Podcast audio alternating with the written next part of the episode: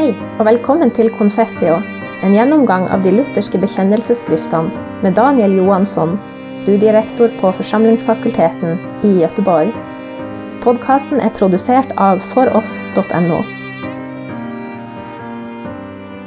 Vi fortsätter nu vår genomgång av vår evangelisk-lutherska bekännelse och vi fortsätter i vår egen så att säga, bekännelseskrift, den Augsburgska bekännelsen, där vi nu har kommit fram till den femte artikeln.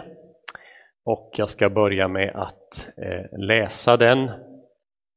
Den har rubriken Om predikoämbetet. Och då är den formulerad på följande sätt.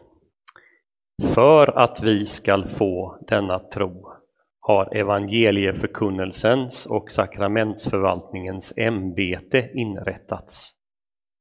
Ty genom ordet och sakramenten, så som genom medel, skänkes den helige Ande, vilken hos dem som hör evangelium frambringat tron, var och när det behagar Gud. Det vill säga att det inte är för vår förtjänst skull, utan för Kristi skull, som Gud rättfärdiggör dem som tror att det för Kristi skull upptas i nåden. Galaterbrevet 3 citeras, för att vi genom tron skall undfå den utlovade anden. De fördömer vederdöparna och andra som menar att den helige Ande kommer till människorna utan det utvärtes ordets förmedling genom deras egna förberedelser och gärningar. Den här artikeln har två stycken delar. Den första delen knyter an till den föregående artikel, artikeln 4 om rättfärdiggörelsen. Eh, och det gör den till och med språkligt och grammatiskt så att rent grammatiskt så är det en fortsättning på den följande artikeln. Det är liksom samma mening trots att det kommer en ny artikelrubrik emellan. Trots överskriften om predikoämbetet så får man nog egentligen säga att den här artikeln handlar om det vi kallar för nådemedlen. Den skulle mycket väl kunnat ha rubriken om nådemedlen. Den andra delen av artikeln den fördömer en position som innebär att man förkastar ordet och sakramentens som medel, instrument för Andens verk. Och så fördömer den specifikt en grupp, nämligen de som kallas för vederdöparna, vilket på svenska blir omdöparna. Artikel 3 och artikel 4 har handlat om vad Kristus har gjort för oss och vad som behövs för att en människa ska stå i ett rätt förhållande till Gud kan man ställa sig frågan, hur ska nu det som Kristus gjorde för oss för 2000 år sedan genom sitt liv och sin död och sin uppståndelse, hur ska det tillämpat på oss? Hur ska det bli närvarande och förändra vårt liv? Under reformationstiden, precis som det är ganska vanligt idag, så tänkte sig en del människor att man skulle uppleva den heliga Ande och den heliga Andes verk i sitt liv genom meditationer eller genom naturupplevelser, genom extatiska religiösa upplevelser eller genom att man kroppsligt förbereder sig, till exempel genom självspäkning eh, eller annat. Den här artikeln säger att den helige Ande arbetar med oss människor genom yttre, objektiva och säkra medel. Och de kallar vi för nådemedel. Nådeinstrument skulle man kunna säga på lite mer modern svenska. Och med dem så avser vi i evangelisk luthersk sammanhang ordet, Guds ord, när vi läser det eller hör det, dopet och nattvarden och i regel också absolutionen.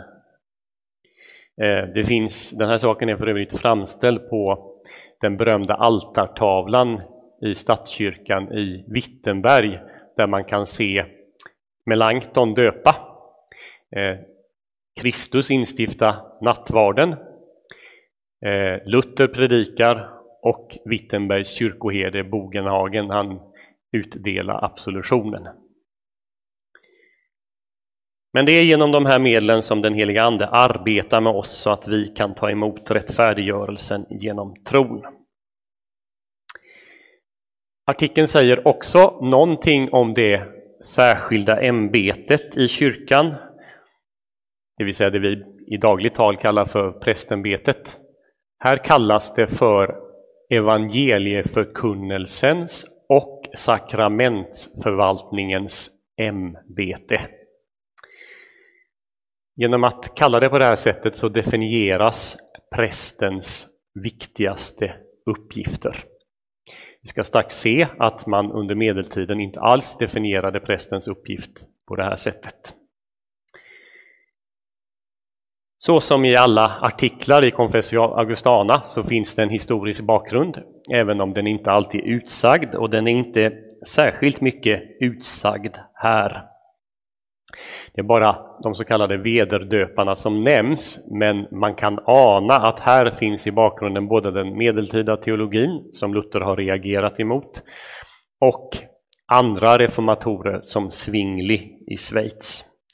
Men innan vi kommer in på det så, så vill jag ta fram två små viktiga skillnader i texterna som vi har. Det är nämligen så här att den Augsburgska bekännelsen föreligger i två versioner. Vi har dels en latinsk text och sen har vi en tysk översättning av den. Och I det här fallet är det så att den tyska översättningen klargör några saker som kanske är lite otydliga i den latinska texten.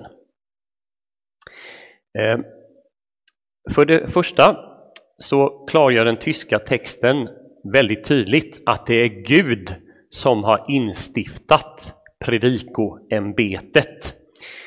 Så här står det i den tyska versionen. För att vi ska få denna tro har Gud inrättat predikoämbetet som skänker evangeliet och sakramenten.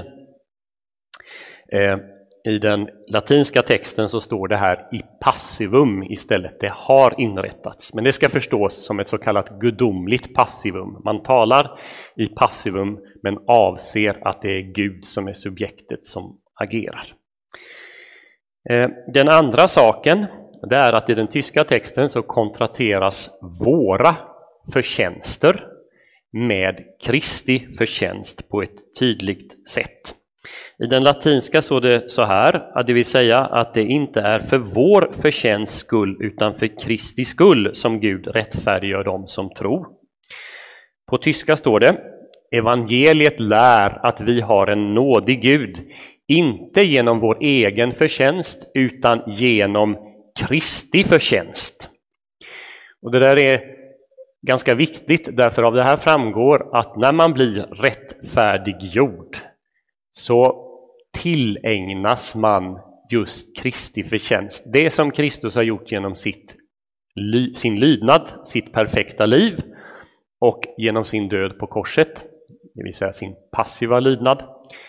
Det får man som människa genom tron del av. Det är hans förtjänster som man tar emot. I den här artikeln så nämns en grupp eh, eh från den här tiden som kallas för veddöparna. De återkommer några gånger i Confessio Augustana. De nämns för första gången och därför är det på sin plats att säga någonting om dem. Med den beteckningen så avses en grupp som man betraktade som väldigt radikala reformerade. Eh, med den avses den grupp då som förkastar barndopet och som kräver omdop av varje människa som vill vara en sann kristen. Veder eller vider är ett tyskt ord som betyder igen, alltså igendöparna, återdöparna om vi skulle översätta det till svenska. Den här gruppen hade uppstått i Schweiz, närmare bestämt i Zürich, eh, i anslutning till den schweiziske reformatorn Zwingli. Men när Ulrich Zwingli inte ville gå med på att man skulle döpa om de som döpt som barn, vilket vid den här tiden i praktiken innebar alla människor, utom möjligtvis judar som hade konverterat och blivit kristna. Eh, när han vägrade att göra det så var det några personer som tog avstånd ifrån Svingli och så bildade de en egen församling, egen kyrka, där man döpte om de sant troende. Den här gruppen kom med tiden att bli ganska så spretig. Eh, och det fanns en riktigt radikal vederdöpargrupp i staden Münster uppe i nordvästra Tyskland. Eh, de kom att influera stadens medborgare så mycket att man i demokratisk anda kom att tillsätta eller välja vederdöpare eh, till stadens råd och ledning. Och de här införde en radikal teokratisk regering. Ehm, man eh, krävde ganska snart att omdop skulle vara obligatoriskt för alla medborgare. Man införde egendomsgemenskap. Alltså det, det påminner lite om, om kommunismen när den genomförs i, i Ryssland. Man tvingar alltså alla att lämna ifrån sig sin egendom och dela den gemensamt. Och så småningom genom så att säga det man anser är andens inspiration och profetiska tilltal och visioner så, så flippar det ut totalt. Man yrkar på att alla eh, ska leva i polygama äktenskap och ledaren, eller en av ledarna, har inte mindre än 16 hustrur och det sägs att han lät avrätta en kvinna som vägrade att gifta sig med honom. Så när man läser om det här så påminner det allra mest om, ska vi säga, IS i våra dagar. Eh, så småningom så kom staden att intas av både romersk-katolska och lutherska eh, trupper och, och de här ledarna togs till fånga. Nu var inte alla vederdöpare alls så här radikala. Eh, och alla tänkte inte så att det att man tog emot anden genom att liksom bara sitta stilla och vänta på anden. Det fanns de som gjorde det, men de flesta vederdöpare betonade vikten av att läsa Guds ord och, och studera det noggrant i bibelstudier och predikan och så vidare. men de avvisade, liksom Svingli, att anden gavs genom eh, sakramenten Gud kunde, menar man, inte skänka sin nåd genom dopet eller genom nattvarden. Och egentligen inte heller genom ordet, utan anden verkade liksom fritt ifrån ordet.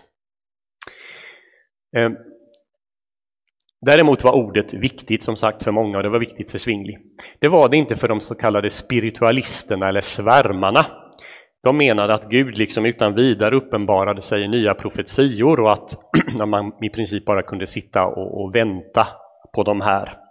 Det fanns ett par eh, berömda sådana som hette Sebastian Frank och Kaspar Schwenkfeldt. Det är förmodligen de som, som fördöms i, i slutet på den här artikeln. Eh, den gruppen av radikala reformatorer, om vi får kalla dem så, eh, de formade väl gemenskaper som mest påminner om dagens kväkare. Annabaptisterna ska jag säga, de ska vi inte blanda ihop med det vi kallar baptister i allmänhet. Baptismen som vi känner den, den uppstod i 1600-talets England bland puritanerna. Eh, och, och, de, eh, och, och, baptister i allmänhet är måna om att, att skilja sig från anabaptisterna. Det finns dock än idag, framförallt i USA, eh, ganska stora anabaptistiska riktningar. Eh, de flesta av er har kanske sett eller känner igen eh, Amish-befolkningen i, i USA, de som fortfarande har häst och vagn. Eh, de eh, tillhör just den här anabaptistiska riktningen. Även så kallade menoniter gör det. Då ska jag säga någonting också om så att säga, den, mer av den historiska bakgrunden till den här artikeln. Eh, och hur den skiljer sig både ifrån den romersk-katolska teologin och Zwinglis teologi, den schweiziske reformatorn. För både Luther och Melanchthon och de andra reformatorerna i Wittenberg de hade varit i, i dialog med båda riktningarna om de här frågorna. Eh, hur skiljer det sig, den sig i, först då ifrån den, den romersk-katolska teologin? Jag kan ta fram eh, två, tre punkter här. För det första så skiljer den sig i synen på prästämbetet. Det romerska prästämbetet var och är än idag främst ett offerämbete.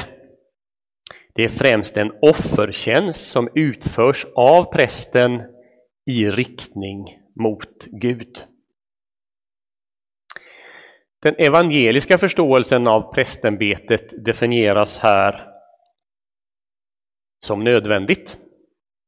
Eh, det förstår vi. Det, det, behövs ett prästämbete. Så tänkte till exempel inte anabaptisten och andra grupper, utan där var det så att säga, ska vi säga, ofta eh, helt demokratiskt utan att, att man, man kanske tillsatte någon som hade ett särskilt ämbete.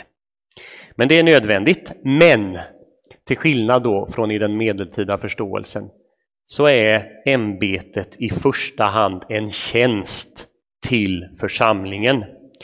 Det blir alltså frågan om två olika riktningar. Det romerska ämbetet är riktat uppåt kan vi säga, mot Gud.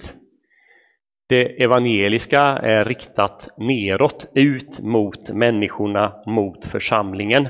Den evangeliska prästen ska förkunna evangeliet och utdela sakramenten. Den andra punkten eh, vad gäller den, den medeltida bakgrunden här, det var att i medeltida tänkande så gavs Guds nåd som man tänkte sig som något som en, en egenskap närmast som ingöts i människan. Den gavs genom sakramenten. Sen höll man predikningar. Men predikans uppgift var inte att ge nåden, utan predikan hade främst den uppgiften att den skulle förmana. Så man tänkte sig liksom inte att, att evangeliet kommer till församlingen och, och där på det sättet så, så upplever församlingen Guds nåd och Guds tilltal och förlåtelse eh, och kan förtrösta på Gud. Utan i första hand var förkunnelsen till för att förmana församlingen.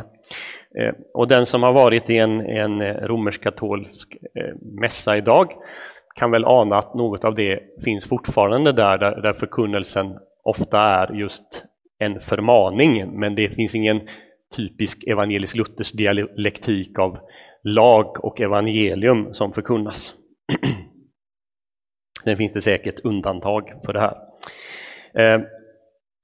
Men enligt Luthers förståelse och enligt den evangeliska förståelsen så, så är ordet det grundläggande nådemedlet Predikan skänker nåd. Och ordet var viktigt i den medeltida teologin för sakramenten, men då i första hand för att det var genom det ord som läses som sakramenten blev sakrament. De är alltså i första hand konsekrationsord. Men Luther vänder redan i sin skrift om, den, om kyrkans babylonska fångenskap från 1520 på det här och lyfter fram orden som förkunnelse, även sakramentsorden är evangelieförkunnelse. För Luther är de både konsekrationsord och evangelieförkunnelse.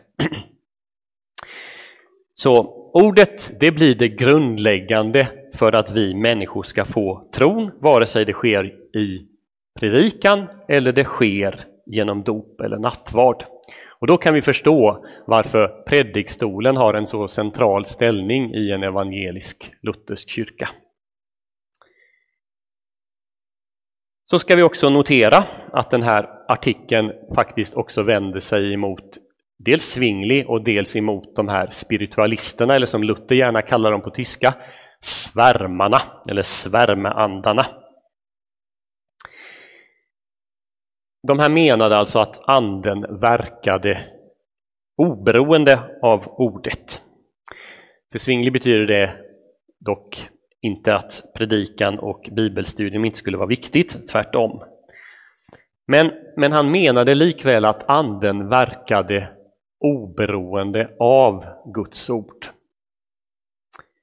Och han kunde faktiskt tänka sig genom sin predestinationslära att även hedningar kunde vara predestinerade till tron. Nåväl, Zwingli han konstaterar att när han läser Nya Testamentet så är det alltid så att först är det någon som predikar och sen kommer människor till tro. Men han tillskrev likväl den här tron till andens verksamhet oberoende av tron. Medan Luther kopplade ihop det. Ordet när det förkunnas, det ger anden som i sin tur eh, verkar på människors hjärtan. Och lika lite som ordet så kan sakramenten eller skapade medel inte skänka nåden. Medan i luthersk teologi så är det tvärtom så att, att man förundras över att Gud tar mm, jordiska medel och använder dem för att skänka sin nåd. De här spiritualisterna, eller svärmarna, de gör Luther upp med i en skrift från 1525 som heter Mot de himmelska profeterna. De menade att man, man tog emot anden genom att man gjorde inre andliga erfarenheter. Och då förstår vi att det fanns ett starkt subjektiv drag i den här formen av tro. Och den fick ofta konsekvens att man förkastade stort sett allting i den kyrkliga traditionen. Men mot detta så ställer nu eh, Confessio Augustanas femte artikel det objektiva, det yttre, det vi kan ta på. Anden kommer med ordet, det verkar med ordet. Och notera att anden verkar alltid med ordet så som det behagar Gud.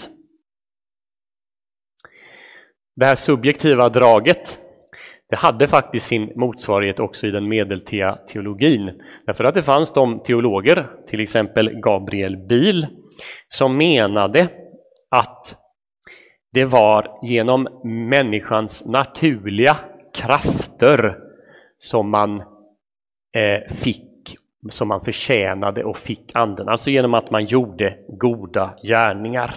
Och det är förmodligen därför det står i slutet eh, på artikeln, alltså där fördöms de som menar att man, man tar emot nåden eller anden utan ordets förmedling, det utvärtes ordet, utan genom egna förberedelser och så står det gärningar, att man tar emot det genom sina gärningar. Det här leder oss då till, till nästa fråga. Om man blir rättfärdig genom tron, som vi nu har lärt oss i artikel 4 och 5, så infaller naturligt sig frågan hur eller vilken roll spelar då gärningarna? Och på den frågan så svarar nästa artikel av Confessio Augustana. Men det blir ämnet för nästa söndags genomgång. Takk for at du hørte på Confessio. Vi tilbyr også andre podkaster, f.eks. Table Talks, som går gjennom alle søndagstekster i kirkeåret. Besøk oss gjerne på foross.no.